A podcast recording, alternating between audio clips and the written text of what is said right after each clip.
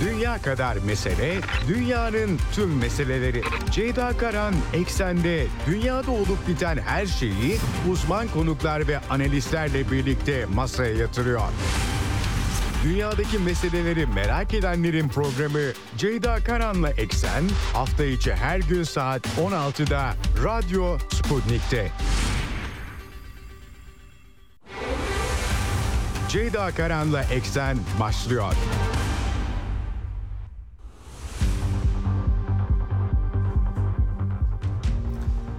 Eksenden merhabalar efendim. Bugün 1 Mart 2024 günler, e, günlerden cuma bir haftayı daha bitiriyoruz. Dünyadan haberlerle karşınızdayız. Yine oldukça yüklü bir gündem vardı bu hafta hakikaten Orta Doğu'dan Ukrayna çatışması ile ilgili küresel gündem sahadan gelişmeler çok önemli gelişmeler oldu.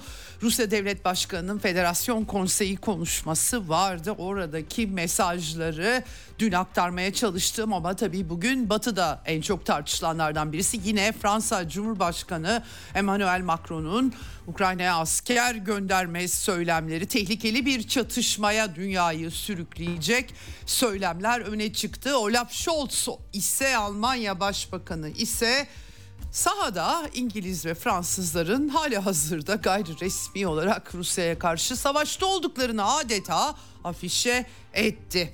Ee, devamı olarak çok sayıda haber var. Bugün biraz daha e, ton düşmüş gibi gözüküyor. Ama Ukrayna ordusunun sahadaki büyük kayıpları ve gerileyişi karşısında e, yeniden e, bir takım mesajlar var. Amerikan yönetiminin 4 milyar dolarlık yeni bir fonlamasından tutun da batıdan e, yine e, mesajlar var aktaracağım. Orta Doğu'da da e, Gazze şeridinde dün söylemiştim size e, El Raşid Caddesi'nde El Nabulsi kavşağında gıda bekleyen Filistinlilerin başına gelenler.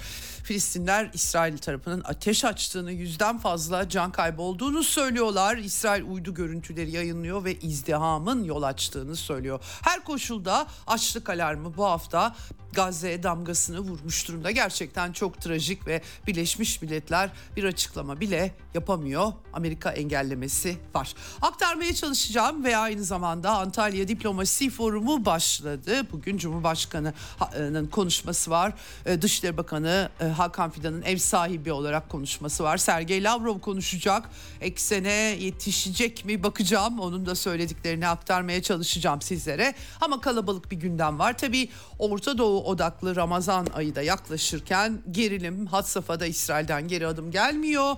Araplar işte Ürdün kralı havadan Gazze'ye ürün e, gıda e, yardımı atmaya çalışıyor. Bazısı Akdeniz'e düşüyor. Gerçekten trajik manzaralar var. Buradan nereye gidilecek Lübnan sahası? Bugün Orta Doğu'da uzun yıllar görev yapmış Suriye iç savaşını yerinden Şam'dan takip etmiş gazeteci Hediye Levent konuğum. E, kendisiyle e, çok kısa süre önce vakti e, e, olmadığı için kayıt yaptık. Onu programın son bölümünde yayınlayacağız. Evet e, artık karasal yayın frekanslarımız 24 e, Türkiye'de 24 kentten e, yayınlanıyor. Ee, ama internet üzerinden de bizi Sputnik Türkiye'nin web sitesi üzerinden ya da Sputnik Türkiye'nin Telegram hesabı üzerinden canlı yayında ya da daha sonra arkadaşlarım kayıtları da koyuyorlar. Oradan takip edebilirsiniz diyelim. Başlayalım eksene.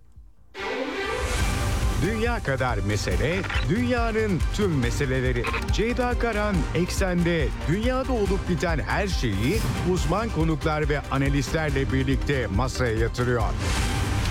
Dünyadaki meseleleri merak edenlerin programı Ceyda Karan'la Eksen hafta içi her gün saat 16'da Radyo Sputnik'te.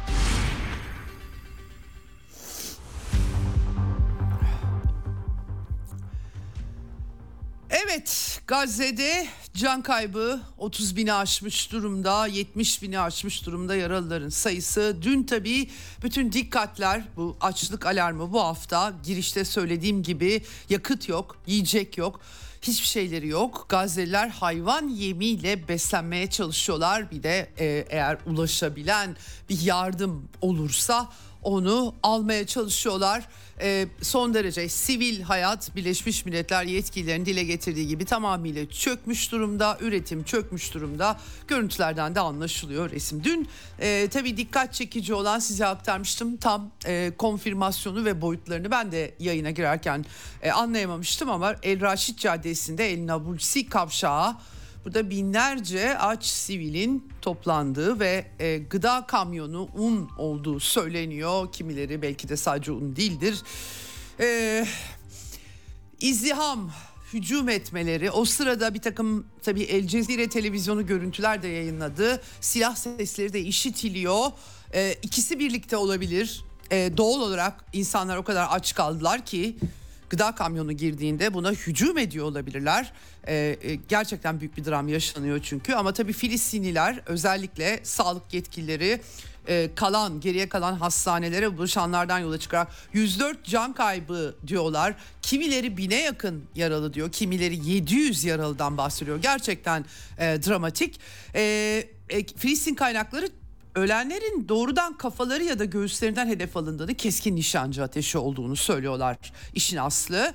Yaralanmaların yine top mermisi silah mermisi kaynaklı olduğunu söylüyorlar ee, ve e, e, dün akşam işte 81 diye Sağlık Bakanlığı Sözcüsü Eşref El Kudra'nın açıklaması vardı. Can kaybı 81, 700'e yakın yaralı diye ama kimi kaynaklar 104 Hamas kaynakları aynı zamanda 104 ölü e, bine yakın yaralı olarak veriyorlar. İsrail ordusu da bu arada görüntüler yayınladı. Uydu görüntüleri e, akşam saatlerinde e, bir çekim olduğu anlaşılıyor ve e, kalabalığın insani yardım taşıyan kamyona kamyonlara hücum etme görüntüleri ve buradan e, daha ziyade izdihamdan kaynaklı bir ölüm olduğunu söylüyorlar. Tabii e, bu da ayrı büyük bir dram. İsrail medyasında da çelişkili bilgiler olduğunu belirtelim. Çünkü mesela Ay24 News e, diyor ki bir yandan bir Gazze'liler kamyonlara saldırdılar. Diğer yandan da İsrail askerlerinin hedef alması söz konusu te, birlikleri tehlikeye düşen İsrail askerlerinin ateş açtığı gibi bir söylemde var ama tabii ki büyük tepkiler var. Çaresiz açlık çeken insanlar hani Hamas e, silah e, savaşçıları da değil söz konusu e, bu insanların yöneldiği kamyonlar e, o koşullarda organize de e, olamadıkları gözüküyor. Açlık koşullarında gerçekten çok dramatik hepsi. E, Türk Dışişleri Bakanlığı sert tepki gösterdi Nabulsi kavşağındaki e, olaya ve insanlığa karşı suçları bir yenisi eklenmiştir diye açıklama yaptı. Bilinçli toplu olarak Filistinlerin yok edilmesi söz konusu. İsrail'in e, olup bitenlerin ayırdına varamadığı dolayısıyla uluslararası toplumun e, İsrail'i bu vahşeti durdurmaya zorlaması gerektiği vurgusu yapıldı. Latin Amerika'da son dönemde Brezilya ile birlikte öne çıkan lider Kolombiya Devlet Başkanı Gustavo Petro X hesabından buna soykırım denir ve dünya güçleri bunu e, e, görmekten hoşlanmasa bile e, ortada bir holokost var onu andırıyor. Netanyahu engellenmeli diye yazdı tüm silah alımlarını askıya aldıklarını ekledi. E, Kolombiya e, çok uzun süredir İsrail müttefiki bir ülke ama e, Gazze kriziyle birlikte e, işler e, değişmiş durumda. Evet e, Avrupa Birliği Dış Politika Şefi Joseph Borrell da X hesabından açıklama yaptı. Çaresizce insani yardım arayan sivillere yönelik bir başka katliam haberiyle dehşete düştüğünü söyledi. Bu ölümler kesinlikle kabul edilemez dedi. E yani e, bir şey yapılmadıkça sonuçta fayda etmiyor. Almanya Dışişleri Bakanı Annalena Baerbock'un da yüzden fazla insanın ölümüyle ilgili açıklama talep ettiği bilgisi var. Evet biraz timsah gözyaşları gibi gözüküyor. Pratik politik sonuçlar üretmediği müddetçe çeşitli tepkilerin Kolombiya'da ürettiğini görüyoruz. Açıkça e, ilişkileri e, ticari boyutlarıyla savunma boyutlarıyla kestiklerini görüyoruz. Brezilya'da öyle ama onun dışında ne Arap ülkeleri ne Türkiye ne Avrupa sadece söylemler olduğu ortada. Evet şimdi e, tabii bu arada Cezayir ve Arap ülkelerinin desteğiyle bir e, açıklama e, BM Güvenlik Konseyi'nden bu El Nabulsi e, vakası ile ilgili önerdi.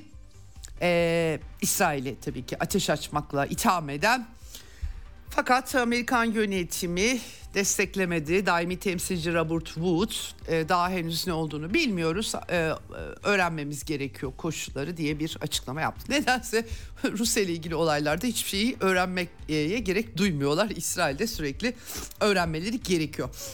Evet işte çifte standartlar böyle maalesef. Ee, Beyaz Saray Sözcüsü yazılı yanıt e, açıklamış Anadolu Ajansı'nın sorusuna. Bu Nabusi e, kavşağındaki vakanın olayın katliamın e, ciddi bir olay olduğunu detaylarına bakacaklarını acil insani durumun farkında olduklarını falan söylemiş. Amerika'da tabii tepkiler protestolar özellikle Yahudi toplumu içerisinde devam ediyor. E, kongre binası Amerikan Kongresi'nin etrafında böyle bayağı çimenlik geniş bir e, ferah bir e, e, mekan vardır. Orada işte 13 bin Filistin bayrağı dikmişler küçük küçük ölen çocukların anısına 30 bin deniyor ama bunun yaklaşık 25 binden fazlası kadın ve çocuklardan oluşuyor. Biden e, bu hafta çok tepki çekti. Dondurma yalarken ateşkesle ilgili yaptığı yorumlar. Tabi bu arada o yorumlar pazartesi ateşkes olacağına dair bir yorumlardı. Böyle bir şey olmadı. Ee, ve e, pa, e, pazartesi gününe kadar demişti. Anımsatıldı sözleri işte telefon görüşmeleri yaptım. Ee, belki bu pazartesi değil ama umutluyum gibi e, bir açıklama yaptı. E, bu gıda yardımı bekleyen insanlara ateş açıldığı haberlerinin kontrol ettiklerini söyledi. Ateşkesi zorlaştıracakmış onu da ekledi. İsrail'de de e, tepkiler var bunun altın çizelim.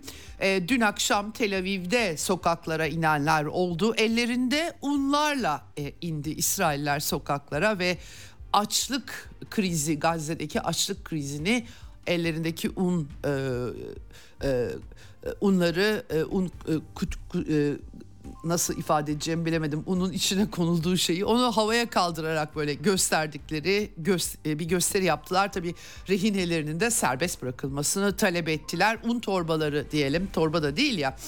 Ee, şimdi tabii Netanyahu yönetiminin böyle bir şeye pek niyeti yok gibi ama biraz daha ateşi e, ufak tefek böyle e, topluca bir hücum refaha bir kara saldırısı da başlatmış değil İsrailler.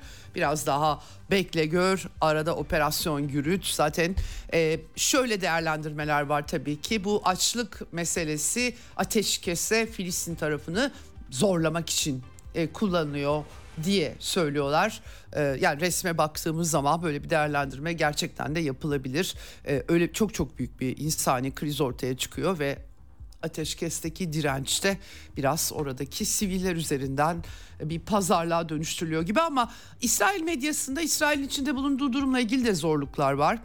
E, yeni askerlere ve subaylara ihtiyaç olduğunu yazıyor Yediyor Aharonot e, gazetesi. İsrail ordusunun da morali zayıflıyor e, kalıcı bir zafer diyorlar. Hamas'ı yok edeceğiz diyor Netanyahu ama e, buna da pek inanç yok gibi. En azından belli bir kesimde yok gibi. E, belirli tabii e, tümenlerde, Tugaylardaki askerlerle konuşarak haberler yayınlıyor İsrail ordusu.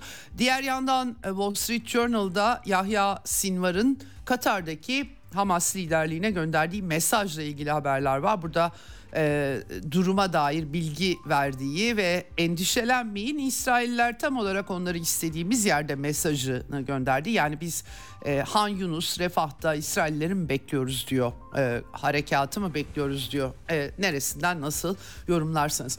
E, kuzeyde de Hizbullah'la İsrail ordusu arasında karşılıklı saldırılar devam ediyor. Savaş uçaklarıyla Hizbullah e, İsrail'in kuzeyini vuruyor. İsrail'in kuzeyinden Hizbullah'ın bölgelerine ateş açılıyor. Bir yandan da e, e, bir sonik patlama olduğu e, Sur ve Nebatiye kenti semalarında işitilmiş epey de bir korku yaymış anladığım kadarıyla.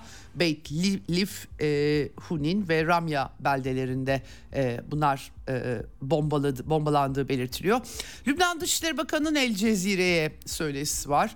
Barış istedikleri ama dayatılırsa savaşa hazır oldukları yolunda bir yandan da Fransızlar, Amerikalılar e, Gazze ile bağlantılı bir başka bölgesel yayılma olmasın diye uğraşıyorlar bir yandan. E, İsrail e, The Times gazetesi bu arada e, İsrail'in Lübnan'dan ziyade Suriye ile savaşma ihtimalinin yüksek olduğunu, analistlerin yanıldığını yazıyor. Niye yani durup durduk yerde şimdi niye Suriye'ye savaş açılacak? Onu da çözemiyorum. Zaten Suriye'nin başına 10 sene büyük belalar açtılar. Neyse göreceğiz tabii. Yemen cephesinde de bu arada e, yine e, tabii bu arada Almanya'nın e, gemisinde Hesse gemisindeki sıkıntılar Amerikan MQ-9'u e, bir şekilde yanlışlıkla düşman ateşi açması, küçük hasarlar ortaya çıkması e, tartışmaları var. Kızıldeniz cephesinde çok büyük bir flash bir not görmedim ama e, bir yandan da Suudi Arabistan'ın da desteklediği barış görüşmelerinin devam ettiği yolunda Ensarullah hareketinden Amerika ve İngiltere'nin bunu önlemeye çalıştıkları artık Husileri terör örgütü de ilan etti Amerikalılar tekrardan listeye koydular. Filistin halkını desteklemeye devam ediyoruz diyor Ensarullah liderleri ve biz Amerika ve İngiltere ile savaşıyoruz diyorlar. Artık Avrupa Birliği'nin e, harekatı da başlamış durumda ne kadar etkili olacak tabii ki göreceğiz.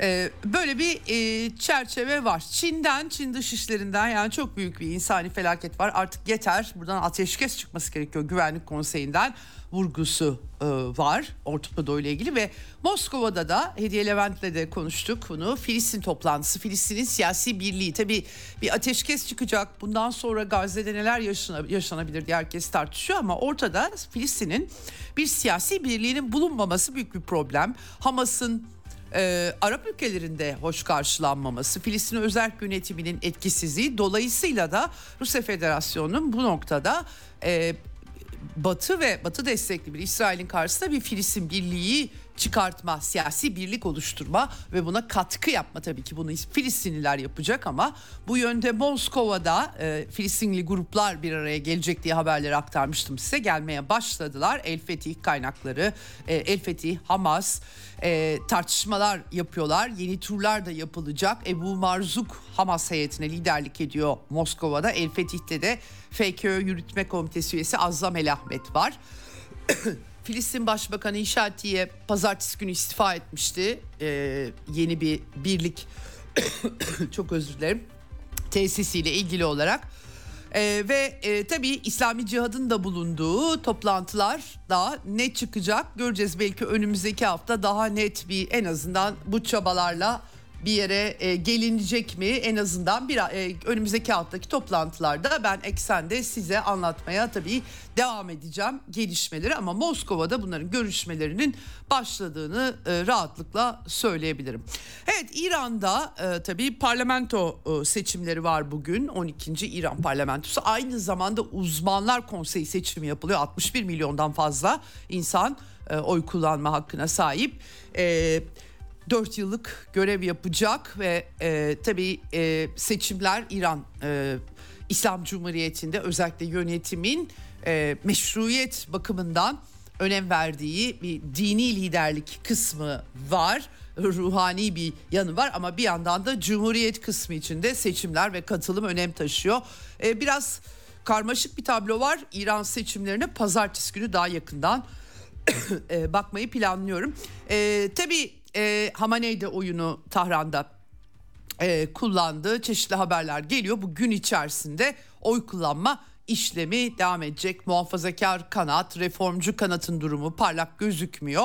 Biraz katılım e, İran seçimleriyle ilgili önümüze daha net bir tablo belki koyacak tabii ki sonuçlarında göreceğiz. Boykot var reform cephesinden boykota yönelenler de var. E, bu koşullarda İran Dışişleri Bakanı e, Hüseyin Emir Abdullahiyan e, Channel 4 İngiliz haber kanalına bir söyleşi vermiş. Orada eş zamanlı e, hükümetlerin halk desteğini görmek için referandum yapsak İngilizler kaybeder biz kazanırız demiş. Biraz iddialı konuşmuş.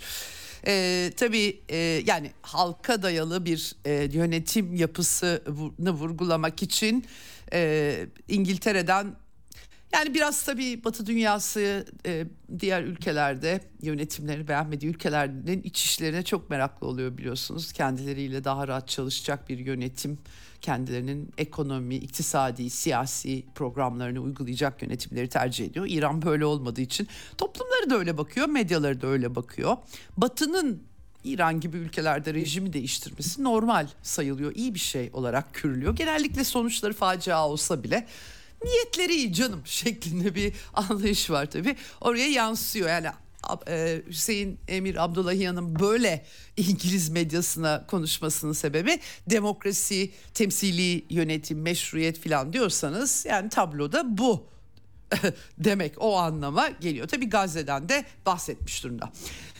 Evet şimdi bir de e, Cumhurbaşkanı'nın dün enteresan açıklamaları vardı. Uluslararası sosyal medyada da İngilizce e, sosyal medyada da çok dikkat çekti. Doğrusu dün Aydın mitinginde Fransızların meşhur Lafarge çimento fabrikası ile ilgili değerlendirmeleri şimdi nereden çıktı de, diye de insanlar pek de anlamadı anladığım kadarıyla. Biraz iç politika ile yerel seçimlerle bağlantılı ama e, e, Kuzey Suriye, Suriye'nin kuzeyinde IŞİD e, yönetimi altında güzel güzel çalışmış. IŞİD'i fonlaması yüzünden davalık olmuş ama bir türlü ceza savaş suçuyla cezalandırılamamış olan Fransız Lafarge. E, bütün barınaklarını gömdük dedi e, Cumhurbaşkanı. Teröristlere mağaralar yaptılar gibi anlayamadım tam ne dediğini. Suriye iç çatışmasında Lafarge'ın rolü büyük tabii ama herkesin rolü var Suriye iç çatışmasında Türkiye'nin de var. Onu da belirtmek gerekiyor. Ee, pek anla, anlamamış insanlar nereden çıktı şimdi diye. Biraz Azerbaycan, Ermenistan, Karabağ meselesinde Ermenistan'da bir Fransa görmeye başlıyoruz. Bir Güney cephesi Rusya'ya karşı e, Paşinyan e, Soroscu devriminden bu yana e, bir yokluyor kendini. Acaba onunla mı alakalı Fransa'nın e, oradaki varlığıyla mı alakalı bilemiyorum. Cumhurbaşkanı bir anda bir Fransız Lafarge'la ilgilenmiş Suriye bağlamında. Suriye'deki Türkiye varlığı da var tabii bu arada. Efendim e, Antalya Diplomasi Forumu 3. Antalya Diplomasi Forumu başladı. 19 ülkeden devlet başkanı düzeyinde 73 bakan 57 uluslararası temsilci 4500'e yakın katılımcı 1-3 Mart tarihleri arasında pazar günü sona erecek forumlar var çok sayıda. Krizler döneminde diplomasiyi öne çıkarma ana, ana temasıyla yapılıyor. Bunun içerisinde pek çok konu var. İklim değişikliği, göç, işte İslam karşıtlığı, ticaret savaşları, yapay zeka. Yani uluslararası gündemde ne varsa onlar tartışılacak gibi gözüküyor. Sadece de işte devlet yetkilileri değil ama öğrenciler, akademisyenler ilgi gösteriyorlar. Ee, Antalya e, Diplomasi Forumu'na. Ha, Hakan Fidan yaptı açılışı Dışişleri Bakanı e, mevcut uluslararası sistemi eleştirdi konuşmasında artık bir adalet üretemediğini söyledi. Daha çok güçlünün sözünün geçtiğini söyledi e, ne zaman geçmemiş ki diye düşünüyorum doğrusu. E, küresel adalet için e, sesini yükselten e, ilkeli ülkeler olduğunu söylemiş ve Türkiye'nin de yapıcı katkı krizlerde ilkeli ve etkili tutum sergilediğini söylemiş Dışişleri Bakanı Hakan Fidan. Son dönemde Türk dış politikasındaki pragmatizme eşlik eden bir ilkesel barıcı, barış yapıcı duruş söylemi var. Tabii Türkiye yüzyılı var. E, bu e, sergi açılışı da yapılacakmış. Bu iktidarın iddialı politikaları e, Türkiye yüzyılı derken tam olarak ne kastedildiğini ben çok anlayamıyorum doğrusu söylemek gerekirse. Daha çok halkın zenginleşmesi herhalde e, bir ülkenin yüzyılı olması için çok zengin, rahatça geçinen, araçlarına benzin koyan, emekli maaş sıkıntısı yaşamayan çalıştıktan sonra insanlar olursa ancak bir e, memlekette refah olursa onun yüzyılı olabilir. Bu anlamda nasıl bir yüzyıl? Fetihler mi kastediliyor Türkiye yüzyılıyla? Tam bilmiyorum ama e, tabii ki Batı toplumlarında da böyle kandırmaca işlerle çok uğraşıyorlar biliyorsunuz. Bu tarz reklam sloganları var. Evet. E, Cumhurbaşkanı da konuştu e, Antalya Diplomasi Forumu'nda. E, sıkıntılı bir dönemden geçildiğini söyledi. Buhranlar çağına dönüşüyor 21. yüzyıl. Allah Allah yeni mi olmuş? yani hep buhran vardı. 11 Eylül, e, Afganistan, Irak işgali, Büyük Ortadoğu Projesi, Radikal İslam. Buhran yok muydu bilemedim. Buhranlar çağı da dönüşüyor. Cumhurbaşkanının tespiti tabii benden farklı. 4 milyon sığınmacıya ev sahipliği yapıyoruz. 4 milyon mu sadece? Hmm, enteresan. Ee, daha çok söylüyorlar çünkü bunu. Evet e, savaşlar eskisinden çok daha kanlı geçiyor. Öyle mi? Onu da bilmiyorum. Sömürgecilik yeni yöntemlerle devam ettiriyor. Doğru söylüyor Cumhurbaşkanı. İslam düşmanlığı, yabancı karşıtlığı pek çok yerinde dünyanın veba salgını gibi yayılıyor demiş. Dayanışma, adalet, güven gibi temel kavramlardan yoksul cari uluslararası sistem asgari, asgari mesuliyetlerini yerine getiremiyor. Tabii ki mesela ilkeli tavır alıp bir ülkeyi çok ağır eleştiriyorsanız o ülkeyle diplomatik ilişkini kesmeniz, ticareti kesmeniz gerekiyor. Aksi takdirde söylediklerinizin hiçbir anlamı kalmıyor. Asgari eğer böyle görüyorsanız, görmüyorsanız sorun yok zaten. Daha cool davranabilirsiniz elbette ama bu kadar dayanışma, adalet ve güvenden bahsediyorsak tabii bunu pratikte de görmek gerekiyor. Evet e, Cumhurbaşkanı efendim e, kural temelli uluslararası düzen anlamını kaybetmekte. Hangi kural? Anlamıyorum yine kural temelli. Blinken da böyle diyor. BM hukuku yani belli dengelere dayanan bir hukuk modeli e, İkinci Dünya Savaşı'ndan sonra oluşturulmuş sorunları var düzeltilmesi mutlaka lazım ama e, öyle hani e, konuşmakla da olmuyor. Cumhurbaşkanı doğru söylemiş slogandan öteye geçmemek hakikaten e, kendi e, özeti de çok iyi. Slogan atmak sadece o. Pratikte sıfır. Hiçbir etkisi yok. Hiçbir şey. Evet kural temelini anlayamadım yani neyin kuralı kimin kuralı onu çözemiyorum. Türkiye'nin hiçbir hadiseyi uzaktan seyretme lüksü yoktur. Peki ne yapacak o zaman? Ee, kendi insanımıza hem de tüm insanlığa karşı görevimizdir. Gazze'de yaşananlar soykırımdır, savaş değildir demiş Cumhurbaşkanı böyle söylemiş. Evet. Evet şimdi e, bu arada tabii Suriye hemen oturumu yapmışlar. Suriye'de istikrara giden yol diye. Nedir o yol onu da bilmiyorum. E, BM temsilcisi Geir Pedersen e, taraflar masaya gelmedikçe e, krizin çözümü imkansızdır. E, bizatihi Esad yönetimi muhalefetle, muhalefetle masaya oturmalı. Dış oyunculardan herhangi bir ilerleme beklememesi gerekiyor demiş ama o muhalefeti dış oyuncular destekliyorsa ne yapacak Esad mesela? o muhalefet organik bir muhalefet değilse dünyanın dört bir yanından toplandıysa ne yapacak? O soruyu da birileri bir zahmet sorsaydı soran çıkmamış tabii ki.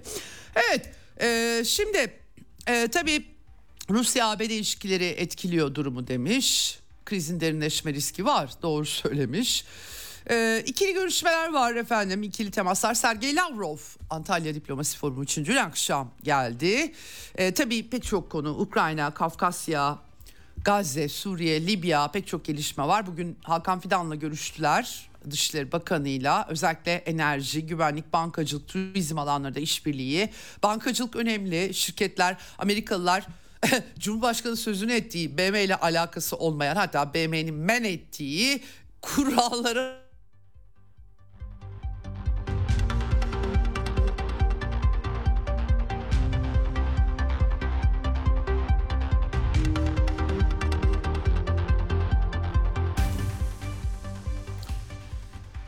Evet.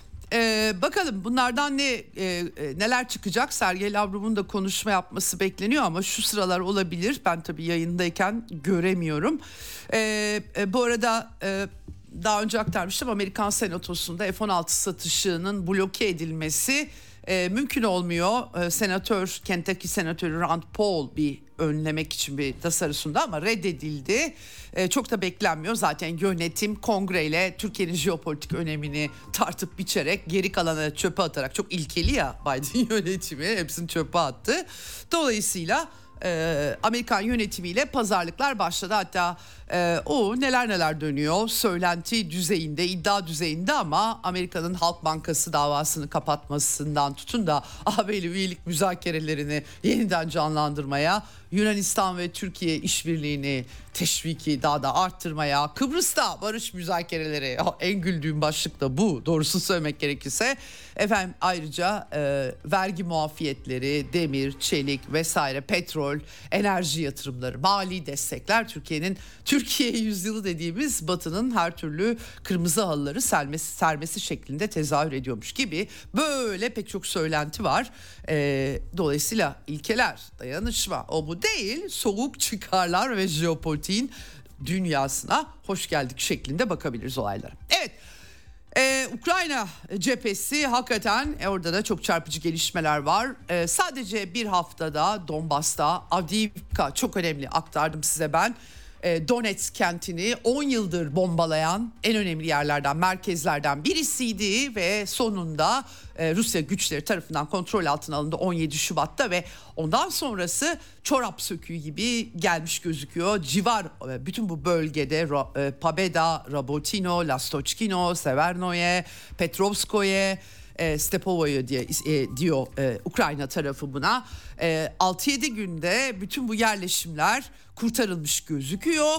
E, aynı zamanda e, açık tarlalarda Avdiivka'dan kaçan Ukrayna askerleri e, drone saldırıları, topçu saldırılarına maruz kalıyorlar. Kayıp sayılarının arttığı bilgileri var. İkinci Abrams vakası geçtiğimiz günlerde e, görseli de e, ortaya konmuştu. İlk Amerikan Abrams'ının imha edildiği Rusya güçleri tarafından işte ikincisi de Berdiçi bölgesinde Avdiivka'da e, e, avlanmış gözüküyor. Onun da görseli daha sonra yayınlandı. 31 Abrams vermişti Amerikalılar. Leopard tankları çok yandı. İngilizler hemen Challenger'larını apar topar geri çektiler. Namız edelenmesin diye. 29 kaldı. İkisi gitti gibi gözüküyor. Bu bölgede 5 Abrams'ın olduğu yolunda savaş blokçularından bilgiler aktarılıyordu. Bu arada Avdiivka ile ilgili Donetsk Halk Cumhuriyeti'nden açıklama geldi. E, Cumhurbaşkanlığı seçimleri Rusya'da 17 Mart'ta Avdiivka halkı da katılabilecek. Ben Telegram kanallarında Rus askerlerini görünce sevinen insanların bolca videolarını izledim. Beni şaşırtmadı bölgeyi bildiğim için. E, kuzeyde Kupyansk e, Ukraynalılar için büyük bir e, endişe kaynağı. Çünkü Harkov yönünde e, hamleler e, olduğu söyleniyor. Veliki Burluk köyünde bir tren istasyonu Rusya güçleri tarafından vurulmuş. Yerel sakinleri Ukrayna askeri istihbaratının e, buraya gelip sivil nüfusu terörize ettiğini söylüyorlar. Onların bulunduğu binanın vurulduğunu söylüyorlar. Evet e, Bahmut Artyomovsk yönünde Çasofyar'a doğru yine ilerleyişi Rusya Federasyonu'nun haberleri e, var. Mariinka'da aynı şekilde Krasnogorovka'ya yükleniyor e, Rusya güçleri video e, görüntüleri de var burada. E, burada aynı zamanda Avdiivka'dan çekilen 3. Tugay yani Azak, neonazi Azak taburunun buraya çekildiği anlaşılıyor.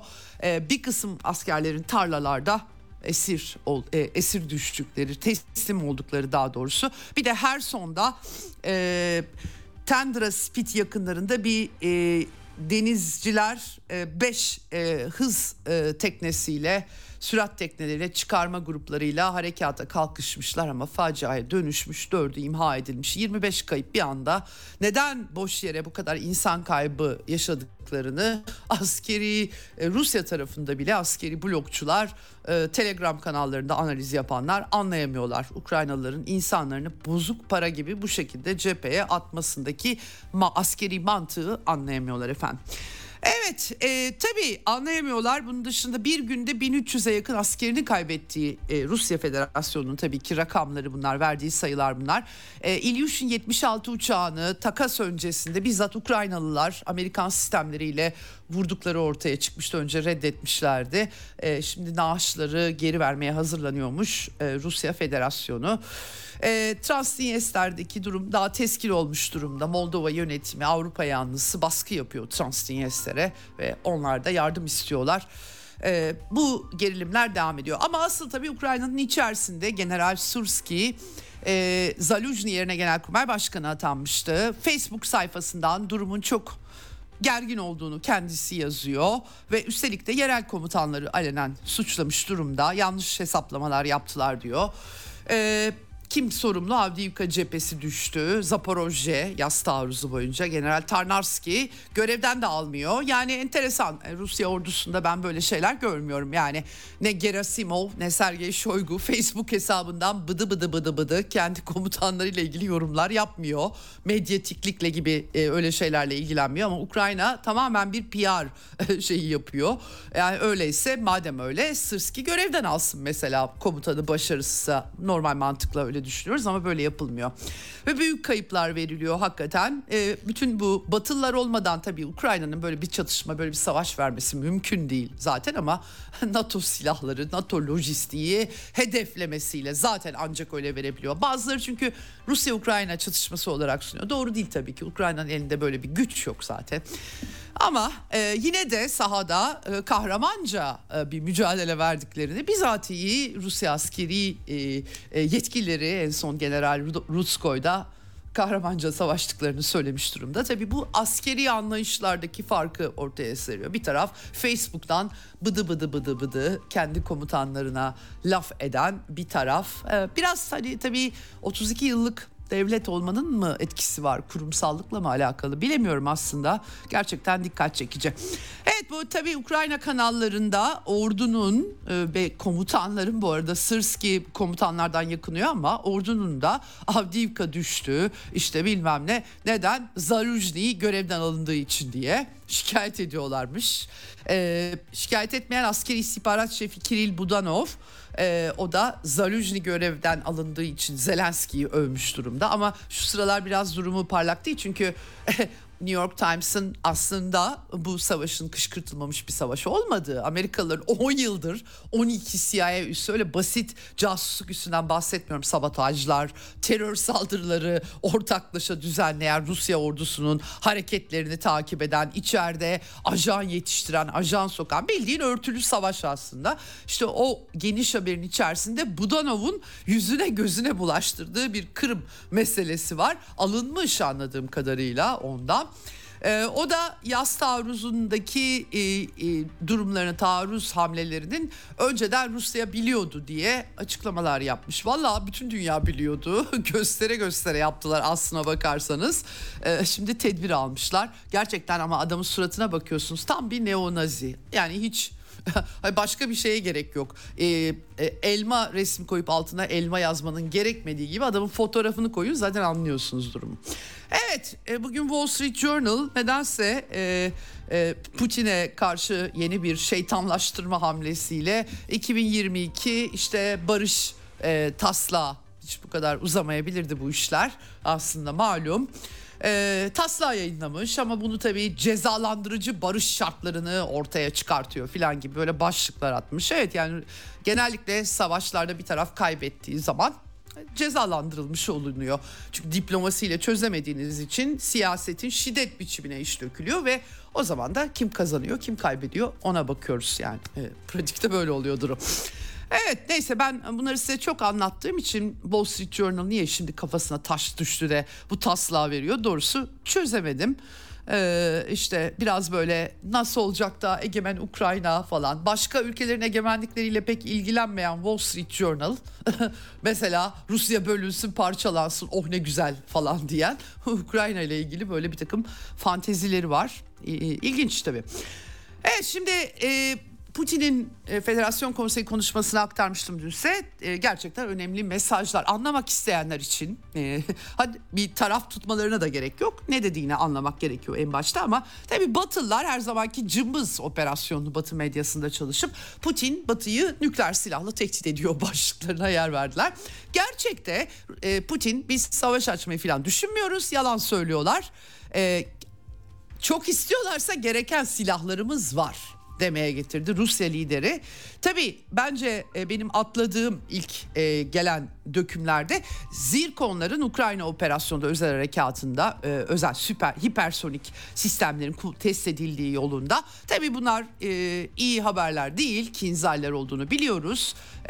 Ama dedikleri ortada ve e, doğrusunu söylemek gerekirse Batı medyası nükleer silahlarla tehdit ediyor gibi e, nüfusuna korku salacak başlıklar atıyor ama bugün NATO Genel Sekreter Yardımcısı Mircea e, Hoane e, El Pais'e demiş ki yani böyle Rusya'dan bir nükleer tehlike artışı görmüyoruz demiş.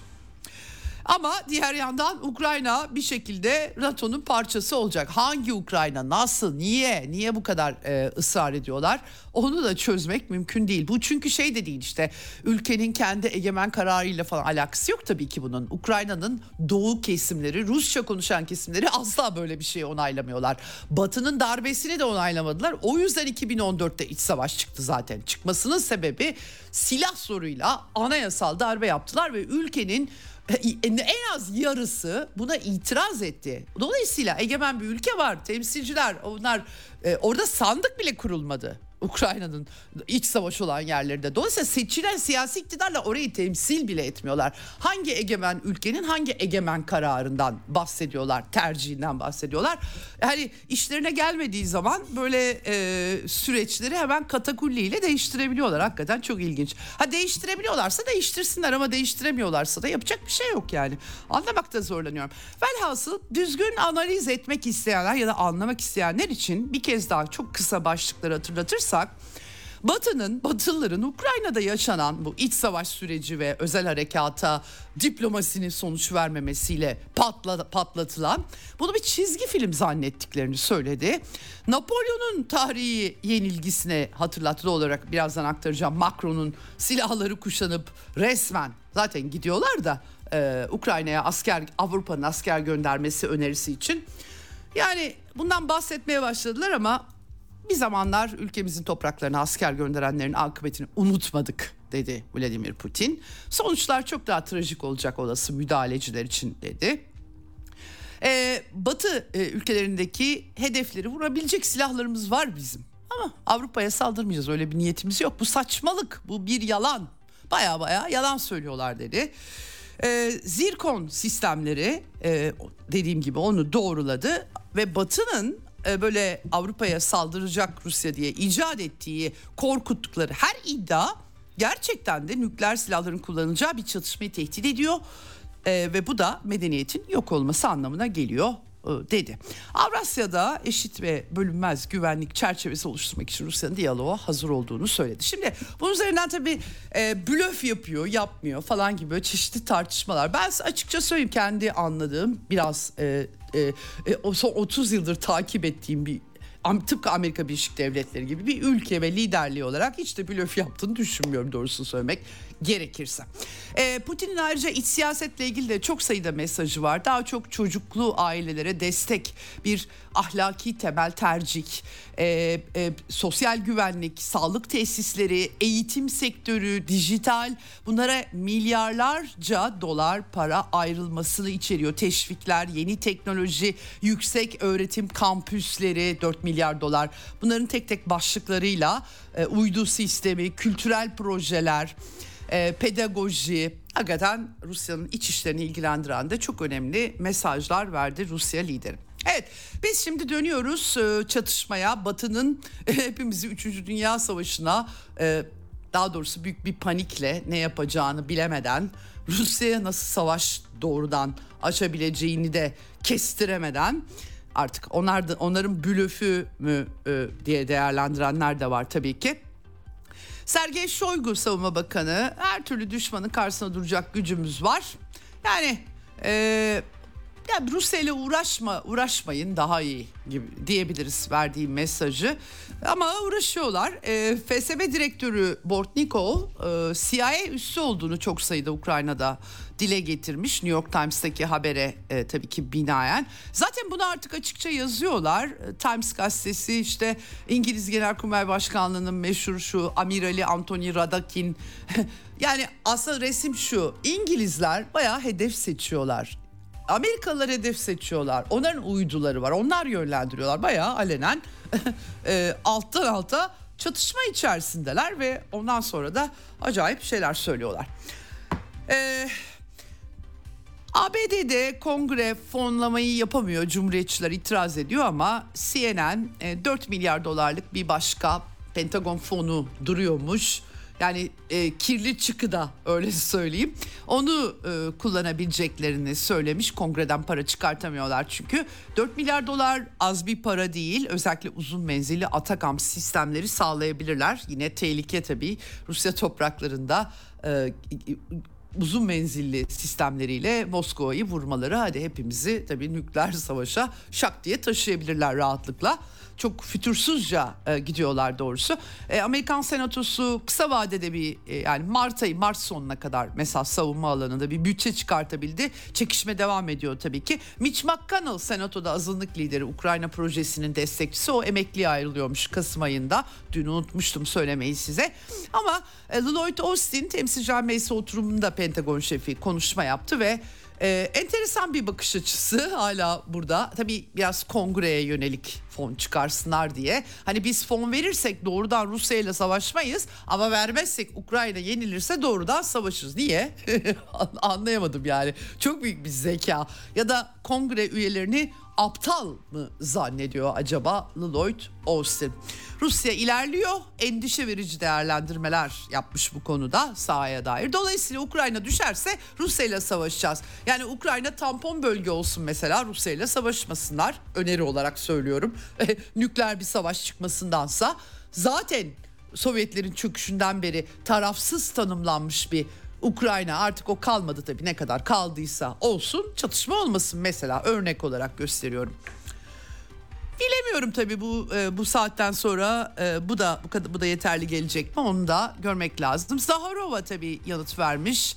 Yani e, herkes saldırganın artık kim olduğunu görebiliyor. Washington olduğunu görebiliyor demiş. Çılgınca şeyler söylüyorlar demiş. Eee Buradan nereye gidecek bilmiyoruz. Avrupalıların üstüne yıkılıyor tabii. Amerikalıların işte bu 4 milyar dolar verdiler diyelim ama 60 milyar en az istiyorlar. O bile yetmeyecek. Geçen sene iki katını verdiler olmadı. Dolayısıyla ne elde edecekler ben onu bilmiyorum. Savaşı uzatmaya çalışıyorlar tabii kesin olan o. Bir de e, birdenbire herkesin ay Macron da arabulucu olabilir falan. Ben de ona da şaşırıyordum doğrusu ama arada çıkışlar yapın, yaptığı için öyle deniyordu bu iki yılda. Ama Napolyon üniformalarını kuşatmaya, kuşanmaya kalkıştı biliyorsunuz. Dışişleri Bakanı Stefan Sejun askeri operasyonlar için Ukrayna'ya asker göndermeyeceklerini, Fransızların Ukrayna için ölmeyeceğini söylemiş. Gönderiyorlar, paralı asker gönderiyorlar. Açık etti resmen Olaf Scholz. Hem İngilizlerin hem Fransızların Rusya'yı vurmakta kullandıkları sistemleri işte scalplar mı kalplar onları Fransızların kullandığını söyledi. Hatta kızdırdı İngilizleri ifşa etti bizi diye gerçekten çok komik. Efendim tabii anketler Fransızların %76'sının böyle bir şey istemediğini gösteriyor ama Batı da artık temsili demokrasi ne kadar var ben emin olamıyorum. Halklarının arzularının temsilcisi olmak gibi bir iddiaları var mı? Pek öyle bir görünümleri yok. Daha doğrusu bir takım bürokratlar var. Siz onların doğruyu bildiğini, iyi olduklarını düşüneceksiniz. Onlar ne istiyorsa halkları onu yapmak zorunda. Annalena Baerbock söyledi aslında bunu. Ne zaman, ne kadar zaman geçti. Alman halkı öyle diyor olabilir ama biz Alman halkını dinlemeyeceğiz onların söylediğini. Onlar bizim e, yaptıklarımızın bedelini ödemek zorunda demeye getirdi açıkça. Beni ilgilendirmiyor dedi yani. Neyse. Evet e, Fransa'da böyle bir durum var. Tabii ee, Çekya Başbakanı kimse Ukrayna'ya asker gönderme niyetinde değil e, demiş ama e, dediğim gibi Storm Shadow'ları İngilizler, efendim HIMARS'ları Amerikalılar, Scalp'ları Fransızlar ateşliyor. Özel paralı askerler var. Bunların bir kısmı muvazzaf da olabilir, olmayanları da olabilir. Aslında resmen gönderiyorlar ve bunu Scholz ifşa etti. Almanya Başbakanı'nın çok büyük bir e, baskı altında olduğu daha çok Taurus sistemleri Moskova'yı vurabilecek 500 kilometre menzili var. Scholz e, tabii çıktı ve e, reddetti bunu. E, asla göndermeyeceklerini söyledi. E, çünkü kontrolü sağlamak için yani nerenin vurulacağına dair kontrolü Alman askeri personeli tıpkı İngilizler, Fransızlar gibi göndermemiz gerekir. O yüzden bu mümkün değil. E, yasal tabii Almanya'dan e, parlamentodan geçmesi gerekiyor. E, kimileri de aslında göndermiş bile olabileceklerini ama yasal sorunları çözmeye çalıştıklarını iddia ediyor. E, açıkçası e, bilemiyorum yani çok tartışma var. Bugün e, Rusya Sivodnia e, Uluslararası Haber Ajansı Sputnik'e bağlı olduğu Russia Today yayın yönetmeni Margarita Simonya'nın e, çok çarpıcı bir e, açıklaması oldu Alman ordusu, ordusunun üst düzey kurmaylarının Kırım Köprüsü'nü nasıl vursak pazarlıkları tartışmalarına dair. Önce bunları tabii İngiliz Amerikalı askerlerin de adı geçiyor. Ee, Almanya'ya soracaklarını gazetecilik e, icabı söyledi. Fakat tabii herhalde olumsuz da yanıt e, gelmiş ya da yanıt gelmemiş olsa gerek ki yayınlandı bu ses kaydı. Ee, Alman Hava, Hava Kuvvetleri Komutanlığı Operasyon Tatbikat Daire Başkanı Graefe var. Hava Kuvvetleri Komutanı müfettişi Gerhards var. Uzay Kuvvetleri Komutanlığı yine e, Fenske e, var. E, 19 Şubat'ta yapmışlar. Deşifre metninde açıkça e, taarruz füzeleri Alman Hava Kuvvetleri e, iki parti halinde Kiev'e nakledilmesi efendim e, Desal Rafael savaş uçağıyla taarruz füzelerinin kullanması saldırı düzenlenmesi e, teslim edildikten sonra 8 ay içerisinde kullanıma hazır olacağı bir askeri yetkili öyle söylemiş. Tabii köprünün yıkılması çok çalıştık piste benziyor. İşte 20 20 kadar füze gerekebilir. Bayağı bildiğiniz bunları böyle konuşmuşlar. Bilemiyorum bunun yankıları tabii hafta sonu daha fazla olacaktır. Ee, da, hakikaten bütün bunları görünce Rusya Federasyonu ne kadar serin kanlı bir liderliğe sahip olduğu düşüyor aklıma. Sabırla kendi hedefleri doğrultusunda Ukrayna sahasında Donbas'ta operasyona askeri harekata devam ediyorlar. Karşılarında da böyle hesaplar yapanlar var. Zaten kuzey yakın boru hattı malum Danimarka en son İsveç gibi kapattı dosyayı. Avrupa'nın en büyük altyapı projesiydi. Almanya'nın resmen projesini yok ettiler. Amerika Birleşik Devletleri söz vermişti imha etmeye ve sonuç bu oldu. İsveç gibi Danimarka'nın da dosyayı fail yok diye kapatmasından failin kim olduğunu anlayabilirsiniz rahatlıkla. Seymour Hersh deşifre etmişti hatta e, CIA şefinin hiçbir bilgisayar bile kullanılmadan daktilo usulüyle operasyon yürüttüğünü söylemişti. Gerçekten dikkat çekici. Evet. E, şimdi olan Almanya'ya oluyor. Almanya'da bu arada kölelik alan bu kölelik mi bilmiyorum nasıl değerlendirmek lazım ama e, Türingen eyaletinde bir bölgede işsiz mültecileri çöp toplama, bahçıvanlık ve kar temizliği gibi kamu hizmetleri saati 80 sente zorla yaptıracaklarmış. Entegrasyon istiyorlar. Artık bu şekilde tartışmalar oluyor. Fransız çiftçiler ayakta. Paris'te Arc de Triomphe bu e, zafer takını kuşatmış durumdalar. E, çiftçilerin eylemleri devam ediyor tabii ki.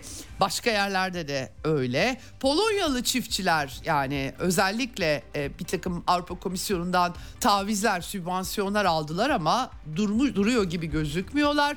Litvanya sınırı da kapanacak. Sadece Ukrayna değil, ucuz Ukrayna tahılının girişini engellemekte kararlı gözüküyorlar trenler, e, tırlar, konteynerlar e, bunlar e, hakikaten saldırılara uğramıştı alenen e, ve çözülemiyor e, bu anlamda onu e, belirtmek gerekiyor. Evet bir dört dakikam kadar daha kaldı bir de Amerika'dan bir takım notları aktaracağım.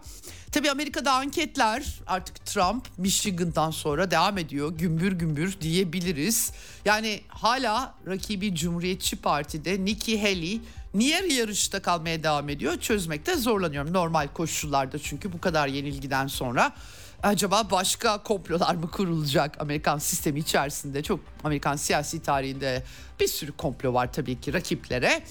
E, Bloomberg anket yayınlamış efendim Amerika'da başkanlık seçimlerinin sonucunu belirleyen e, meşhur salıncak eyaletler yani taraflar arasında e, yer değiştirebilen bunların 7 7 e, salıncak eyalette e, Trump'ın gerisinde kalıyor Joe Biden. Joe Biden da Michigan'ı kazandı, farkla kazandı ama baktığınız zaman e, son seçimlerde 10 bin e, zaten 10 bin oyla alabilmiş. O yüzden aldığı fark son aktüel başkanlık seçiminde aldığı oy farkı düşünüldüğü zaman çok düşük. Herkesin değerlendirmesi bu şekilde. Göreceğiz tabii daha e, bu pilav çok su kaldırır. Bu sene ön seçim senesi Amerika'da. Tabii yaş meseleleri var. E, yaş tartışmaları e, var. E, Beyaz Saray Sözcüsü Karine Jean-Pierre her gün bilişsel teste tabi tutuluyor. Bu benim görüşüm değil. Uzmanların, nörologların görüşü gibi bir takım tuhaf açıklamalar yaptı. O kadıncağız da sırf renkli ve e, LGBT toplumundan diye e, sözcü yaptılar. Yani e, biraz polemik tabii Beyaz Saray adına açıklama yapanların biraz polemikten anlamaları gerekiyor. Hazır cevap olmaları gerekiyor. Pek öyle bir tip değil. Daha çok işte bu Amerika'daki malum woke kültür, renkli tipler falan öyle seçilmiş bir isim. O yüzden çokça gaf yapılıyor. Artık ben izlemeye tahammül edemiyorum. Çok çünkü zeka sorunlarına işaret ediyor bulunduğu konum itibariyle. Tabii e, Amerika'da tartışmalar var e, ve e, aynı zamanda bu tartışmalar televizyonlarda veriliyor. Temsilciler Meclisi'nin eski başkanı Kevin McCarthy örneğin e, yani oturup e, ikili üçlü toplantı yaptıklarında bile elinde kart olmadan hiçbir şeyden haberi olmadığını e, söylüyor. Trump da malum bir takım faşistlerin Biden'ı yönettiğini söylüyor. Biden'ın bir e, yönetim e, yeteneği olmadığını söylüyor. E, iki lider de Amerika'nın sınır eyaletlerini ziyaret ettiler. Texas'a gittiler e, dün. Trump da gitti. Texas valisi Biden'la hiç ilgilenmemiş gözüküyor. Amerika'daki başkanlık seçimi renkli tartışmalarla devam ediyor. Ama biz bugün Hediye Levent'le konuştuk önce. Şimdi bunu yayınlayalım e, sizlere.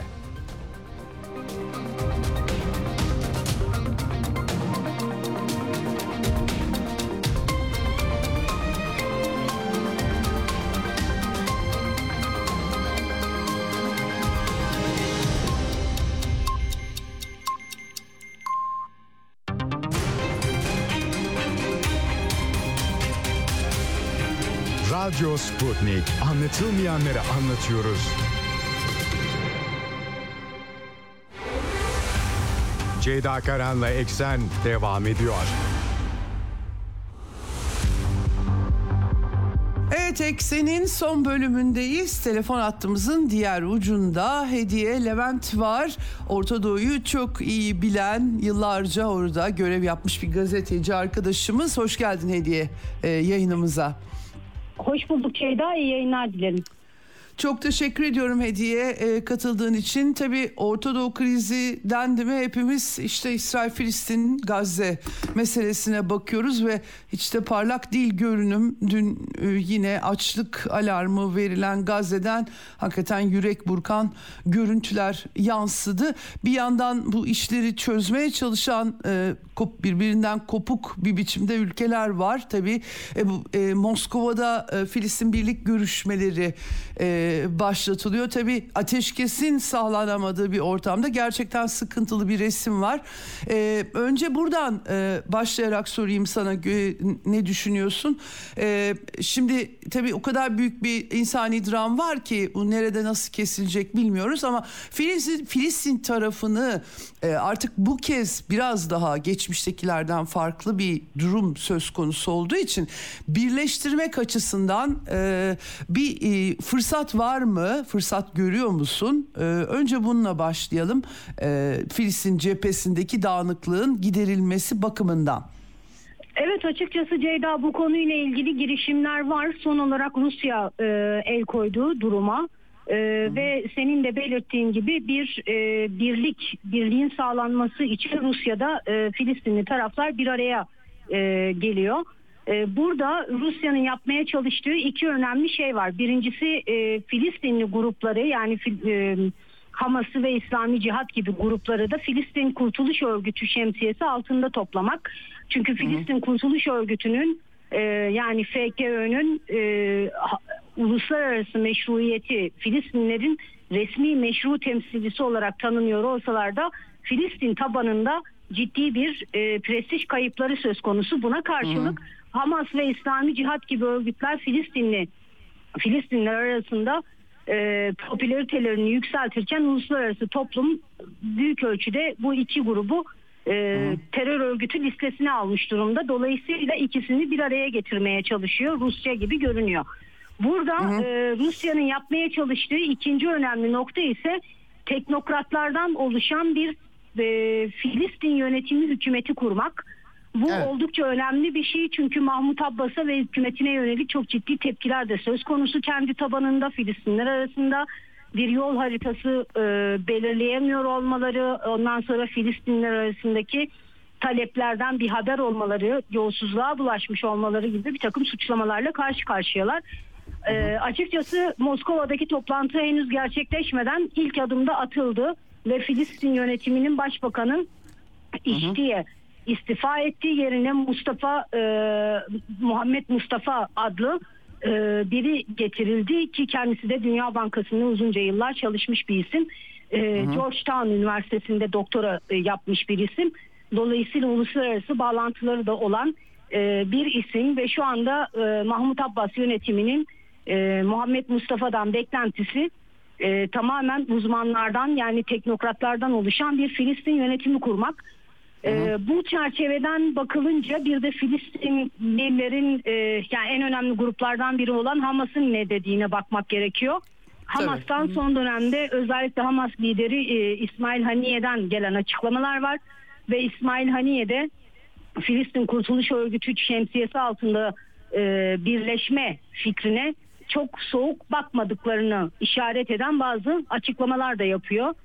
E, çünkü burada e, şöyle bir nokta da söz konusu her ne kadar Hamas'ın ve İslami Cihat'ın Filistinler arasındaki popülaritesi yükselmiş olsa da bu gidişle Hamas'ın e, bekası açısından ciddi problemler de ortaya çıkabilir. Dolayısıyla burada Hamas'ın e, tek şemsiye altında toplanma girişimine biraz da beka sorunu olarak e, gördüğü için sıcak baktığını da söyleyebiliriz. Evet. Ee, İsrail tarafı sanki e, yani e, o kadar acayip bir manzara var ki Filistin cephesinde nasıl durum dağınık ve karışıksa İsrail'de tabii daha bir devlet yapısı var e, ama Netanyahu'ya bir muhalefet yükseliyor.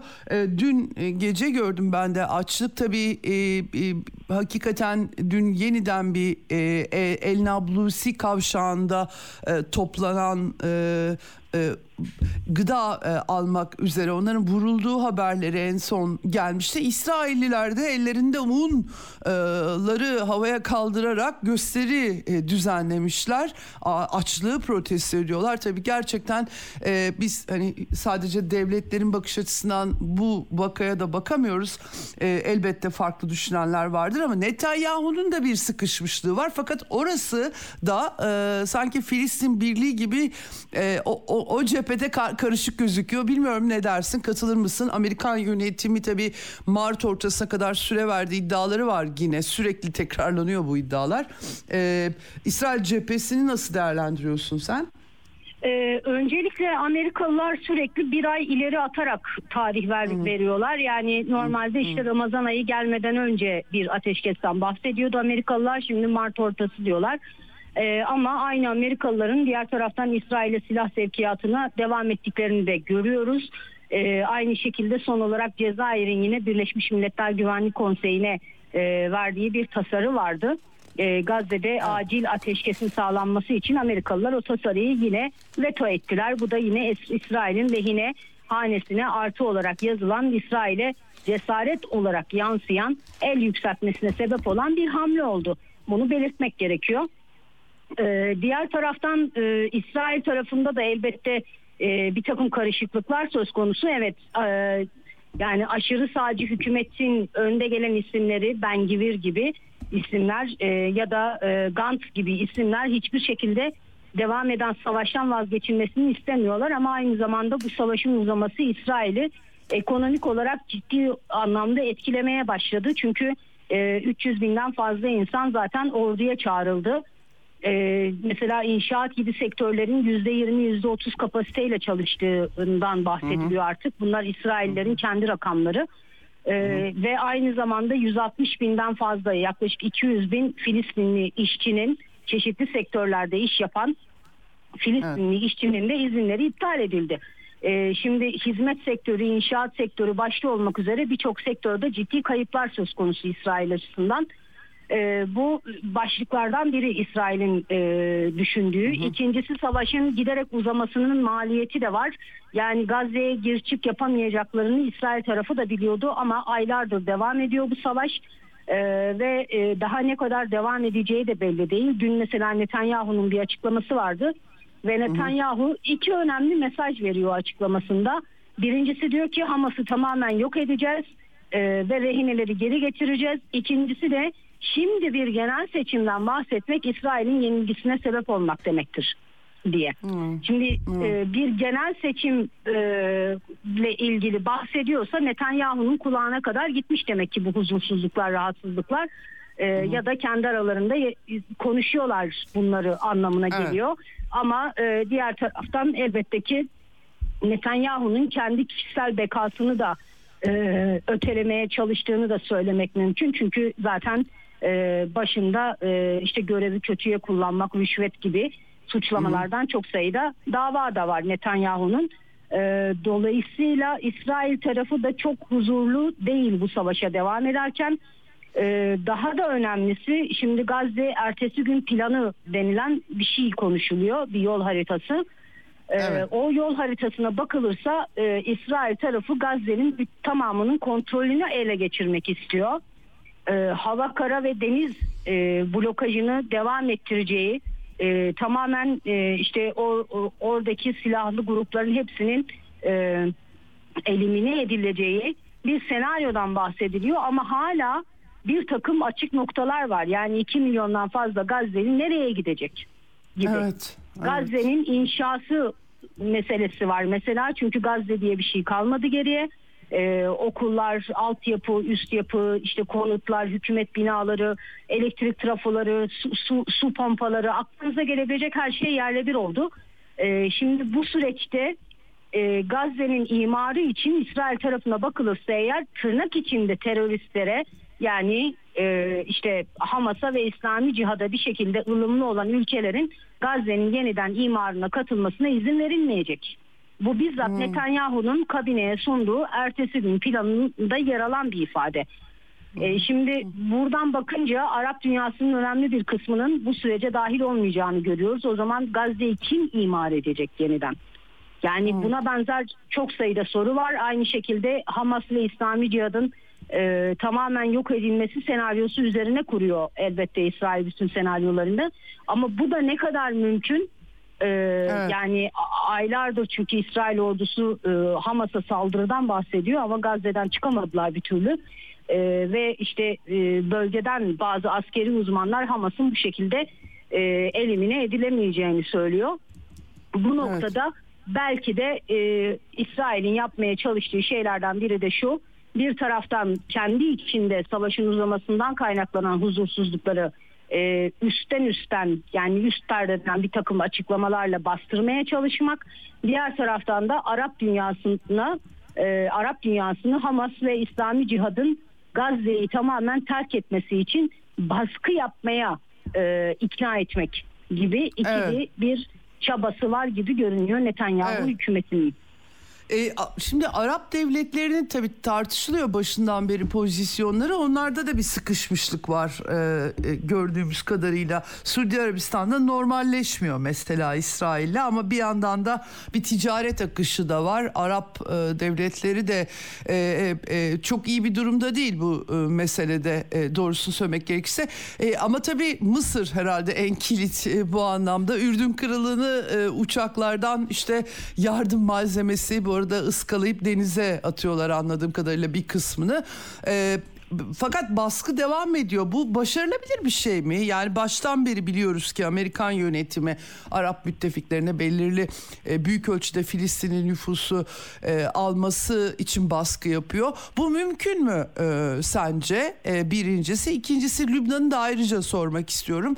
E, çünkü kuzeydeki gerilimin e, e, dinmesi yani tabii ki Gazze e, şartına bağlı.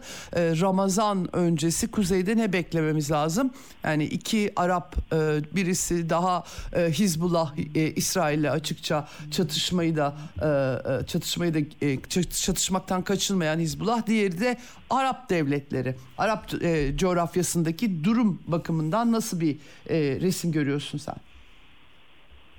Ee, Arap dünyasının İsrail'e yaklaşımının çok değişeceğini ben düşünmüyorum. Yani evet söylem bazında e, sert söylemlerle öne çıkıyorlar ama diğer taraftan dediğin gibi e, Arap dünyasıyla ticaret hatta e, arka kapıdan e, hani e, bir şekilde e, siyasetin iletişiminde devam ettiği söylenebilir.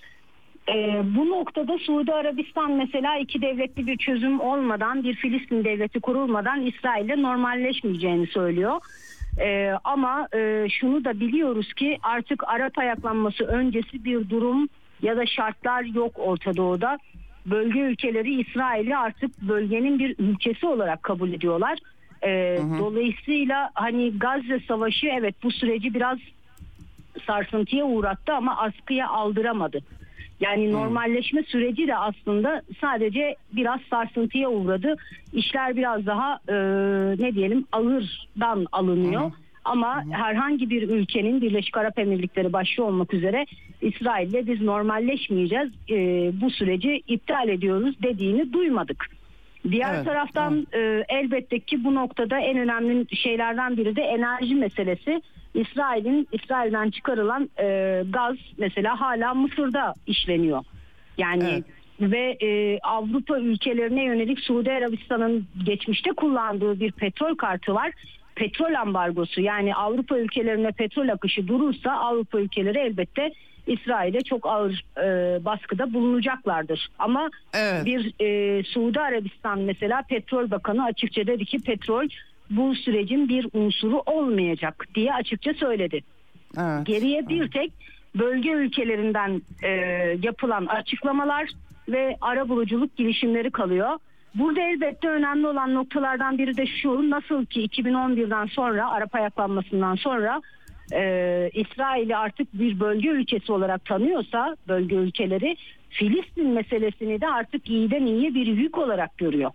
Yani hmm. daha özel olarak konuşacak olursak mesela Mısır evet kilit ülke çünkü İsrail Gazze'lileri 2 milyondan fazla Gazze'liyi Mısır'ın Sina çölüne sürmek istiyor. Ve Mısır şiddetle buna karşı çıkıyor. Karşı çıkmasının sebeplerinin başında da Müslüman kardeşler meselesi geliyor. Evet. Çünkü e, çünkü e, Hamas zaten Müslüman kardeşlerin Gazze kolu olarak kuruldu ve Mısır'daki Sisi yönetimi şu anda Müslüman kardeşleri terör örgütü olarak nitelendiriyor. Aynı şekilde Suudi Arabistan ve Birleşik Arap Emirlikleri de terör örgütü olarak görüyor e, Müslüman kardeşleri. Dolayısıyla Hamas'ın yönetiminde 2006'dan beri Hamas'ın yönetiminde olan e, Müslüman kardeşler yanlısı, destekçisi, sempatizanı, yüz, ben, yüz binlerce insanı e, in, himaye etmek istemiyor bu ülkeler. Bunu da belirtmek hı hı. gerekiyor. Elbette bu noktada son olarak şunu da söyleyelim. Filistinli gruplar arasındaki dağınıklık, çok başlılık, karizmatik liderin ortaya çıkamaması, bir hı hı. yol haritasının belirlenememiş olması, e, İsrail karşısında pazarlık edebilecek e, bir ekip oluşturamamış olmaları gibi sebepler de var elbette. Bölge ülkelerinin Filistin meselesine bakışını etkiliyor bunlarda. Evet. Peki Lübnan ayağı yani orada e, şimdi e, a, kontrollü bir çatışma var. İki tarafta birbirini vuruyor ama giderek siviller de etkilenmeye başlanıyor e, başlıyor. E, Baalbek hedef oldu. İsrail tarafı da aynı şekilde. E, e, Hizbullah da e, İsrail açısından büyük bir mesele. E, öte yandan e, Hizbullah da hem bir yandan Lübnan içi dengeleri gözetmek zorunda. Orada da bir kitlenmişlik var. E, Ramazan ayında bu kitlenmişliğin farklı yönlere evrilmesini bekleyebilir miyiz? Çünkü İsrail'den de öte yandan e, kuzey cephesinde de büyük bir problem doğmuş gözüküyor. E, o, o, o, o denklemi e, çözmek mümkün olabilir mi? E, Gazze'de bir ateşkes sağlanmadığı sürece bu e, tıkanmışlığın e, kuzey cephesinde yani işte e, Lübnan tarafında Lübnan sınırında çözülebileceğini düşünmüyorum. Ee, şimdi Hizbullah bu savaşa çok böyle e, gülü oynaya girmedi, mecbur kaldı. Ee, diğer taraftan Lübnan içindeki dengeleri de gözetmek durumunda senin de söylediğin gibi. Çünkü Hizbullah Lübnan içinde siyasi de bir güç aynı zamanda Lübnan Lübnan'ı yöneten iki eksenden birinin başını çekiyor zaten Hizbullah. Ee, dolayısıyla Hizbullah'ın İsrail'le topyekun bir savaşa girmesi demek Lübnan'ın topyekun bir savaşa girmesi demek. Ee, şu anda ne Lübnan ordusu ne ekonomisi ne siyaseti böylesi bir savaşı kesinlikle kaldırabilecek durumda değil. Dolayısıyla Lübnan içinde de Hizbullah'a ciddi baskı söz konusu savaşa girme diye ya da e, en azından savaşı e, Lübnan içlerine yay, yayma diye. Hatta bu konuyla ilgili Amerikalı bir ara bulucu Hochstein, Amos Hochstein da devrede e, İsrail ile Lübnan arasında mesaj taşıyor. Çünkü İsrail tarafının da e, bu kontrollü çatışma halinin devamından yana olduğunu söyleyebiliriz. İsrail'de Hizbullah'la olan çatışmasının e, çok fazla ülke içine yayılmasını istemiyor ki e, o da güçlerini bölüp işte Gazze'ye e, odaklanmak yerine ülkenin kuzeyine büyük güçler göndermek zorunda kalmak istemiyor İsrail. Aynı şekilde evet. Lübnan tarafı için de söz konusu. Ama e, şu an itibariyle henüz e, Hizbullah'la ya da Lübnan'la İsrail tarafında e, savaşın tamamen bitirilmesi, çatışmanın tamamen bitirilmesi gibi bir durum söz konusu değil. Hatta son olarak Hizbullah'ın iki numaralı ismi Naim Kasım'ın bir açıklaması var. Naim Kasım diyor ki kısaca e, ateşkes olursa biz de uyarız, ateşkes olmazsa aynı durum devam eder diyor. Ama yine e, hem Hasan Nasrallah'ın hem Naim Kasım, Kasım'ın açıklamalarında Hizbullah'ın geniş çaplı bir savaştan yana olmadığını söyleyebiliriz. Çünkü bu çatışma hali Güney Lübnan'da insanları doğrudan etkilemeye başladı. Ölen siviller var. Daha da önemlisi e, yani ölen siviller elbette ki çok önemli. E, ama insanlar can korkusuyla yaklaşık 100 bin insan Güney Lübnan'ı terk etti. Yani Evet. başka şehirlere gittiler. E, işte bir kısmı okullarda vesaire gibi yerlerde e, yerleşmiş durumdalar. E, kal- kalmış durum kalıyorlar. Dolayısıyla bunun da bir e, yükü söz konusu insani açıdan e, Lübnan'a. E, bu, bu, bu da göz önüne alındığında bunu da yine Hizbullah'ın üstünde bir bas- baskı unsuru olarak nitelendirmek mümkün. Evet.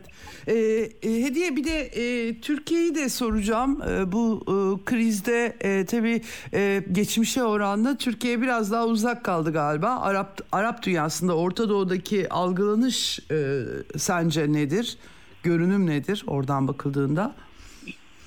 Yani şu anda Arap ülkelerine nasıl bakılıyorsa Türkiye'ye de aynı şekilde bakılıyor. Çünkü Türkiye de aynı şekilde e, İsrail'le ticaretine son vermeden e, diplomasisini devam ettirerek e, işte herhangi bir caydırıcı bir adım çıkış yapmadan sadece sözlü olarak bir takım e, tepkilerde bulunuyor. Dışişleri Bakanlığı kınamakla e, sınırlı kalıyor tepki olarak İsrail'e yönelik. E, aynı zamanda zaman zaman şunu da belirtmek gerekiyor. Arapça e, sosyal medyada e, işte Facebook olsun Twitter olsun e, işte e, İsrail'e demir ticaretinin devam ettiği devam ettiği İsrail'in İsrail askerlerinin bir takım ihtiyaçlarının Türkiye'den hala sağlanmakta olduğu gibi e, bir takım şeyler e, iddialar ya da e, bir takım işte sosyal medya mesajları zaman zaman şeye giriyor e, dolaşıma giriyor.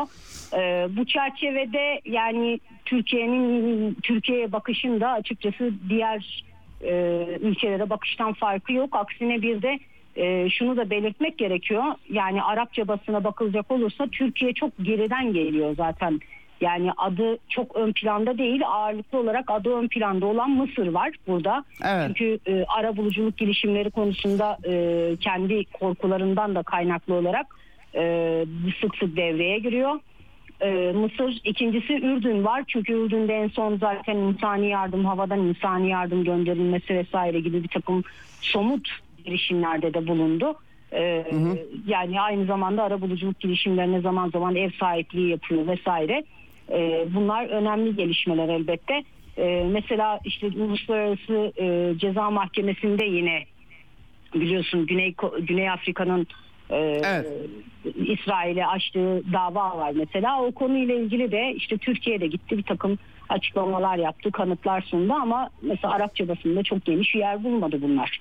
Bunu da Evet. belirtmek gerekiyor bir gösterge olarak. Evet, e, bu anlamda fazla bir beklenti olmadığını herhalde kalmadığını ya da söylemek lazım. E, e, Türkiye açısından daha düşük düzeyde bir e, destek, biraz retorik var. Peki çok çok teşekkür ediyorum Hediye. Başka eklemek istediğin yani e, son çok kısa belki refaha operasyon bekliyor musun diye sorabilirim. E, Ramazan e, ayı yaklaşıyor çünkü. E, yani İsrail de ne diyorsa onu yapıyor sanki e, çok da caydırılamamış gibi gözüküyor. Sen bekliyor musun Refah? Bunun sonuçları e, bakımından gerçekten e, ne öngörülebilir? E, refaha bir saldırı bekliyorum ben. Açıkçası kara saldırısı, hava saldırısı zaten gerçekleşiyor. Evet. E, ama orada e, saldırının zamanlamasını belirleyecek olan şey bunca insanın nereye gideceği meselesi. İsrail tarafı şimdilerde kuzeye gönderilecek bu insanlar. Kuzey Gazze'ye Evet. gönderilecek diyorlar. Evet. E, dolayısıyla e, şunu da belirtmek gerekiyor. Neden böyle bir saldırı bekliyorum? Amerika'da işte bütün ülkelerde e, kıyım olur yapma diyor İsrail'e böyle bir saldırıyı ama aynı zamanda İsrail'i bu saldırılardan caydıracak herhangi bir adım atılmadığı sürece İsrail Evet. sürekli el yükseltiyor zaten. Bunu yaptım Evet. tepki gelmedi şunu yaparsam yine gelmeyecek şeklinde. Zaten Ha. Ceyda 30 binden fazla insan hayatını kaybetti. Çoğu çocuk ve kadın hala enkazın altında e, yıkıntıların altında kaç bin insan olduğu bile bilinmiyor. E, Böylesi bir tablo ortadayken İsrail'in refaha sa- saldırmayacağı, hele Ramazan ayında saldırı gerçekleştirmeyeceği gibi beklentiler biraz hayalcilik gibi geliyor bana. Evet, evet. Peki çok çok teşekkür ediyorum hediye değerlendirmeler için. Ee, bu arada dinleyicilerimize de hatırlatalım. Hediye Levent her gün e, akşamları e, Orta Doğu'da da, Orta Doğu'ya dair her şey isimli bir YouTube programı yapıyor. Gerçekten e, Orta Doğu ile ilgili merak ettikleriniz açısından e, takip edilesi diyelim. Çok teşekkürler hediye. Çok sağ ol. Ben teşekkür ederim. İyi yayınlar dilerim. Sağ ol. Evet, e, senden bugünlük bu haftalık bu kadar. E, Orta Doğu'yla bitirdik bu haftayı. Çok önemli gelişmeler var. Dediğim gibi programda İran seçimleri ama sonuçlarını tartışacağız pazartesi günü. E, ayrıca tabii Rusya Devlet Başkanı Vladimir Putin'in açıklamaları onu da salı günü e, önemli söyleşilerim olacak, konuşma so- sohbetlerim olacak. Bu haftalık eksenden bu kadar diyelim. Herkese iyi hafta sonları. Ceyda Karan'la Eksen sona erdi. Dünya kadar mesele, dünyanın tüm meseleleri. Ceyda Karan Eksen'de dünyada olup biten her şeyi uzman konuklar ve analistlerle birlikte masaya yatırıyor. Dünyadaki meseleleri merak edenlerin programı Ceyda Karan'la Eksen hafta içi her gün saat 16'da Radyo Sputnik'te.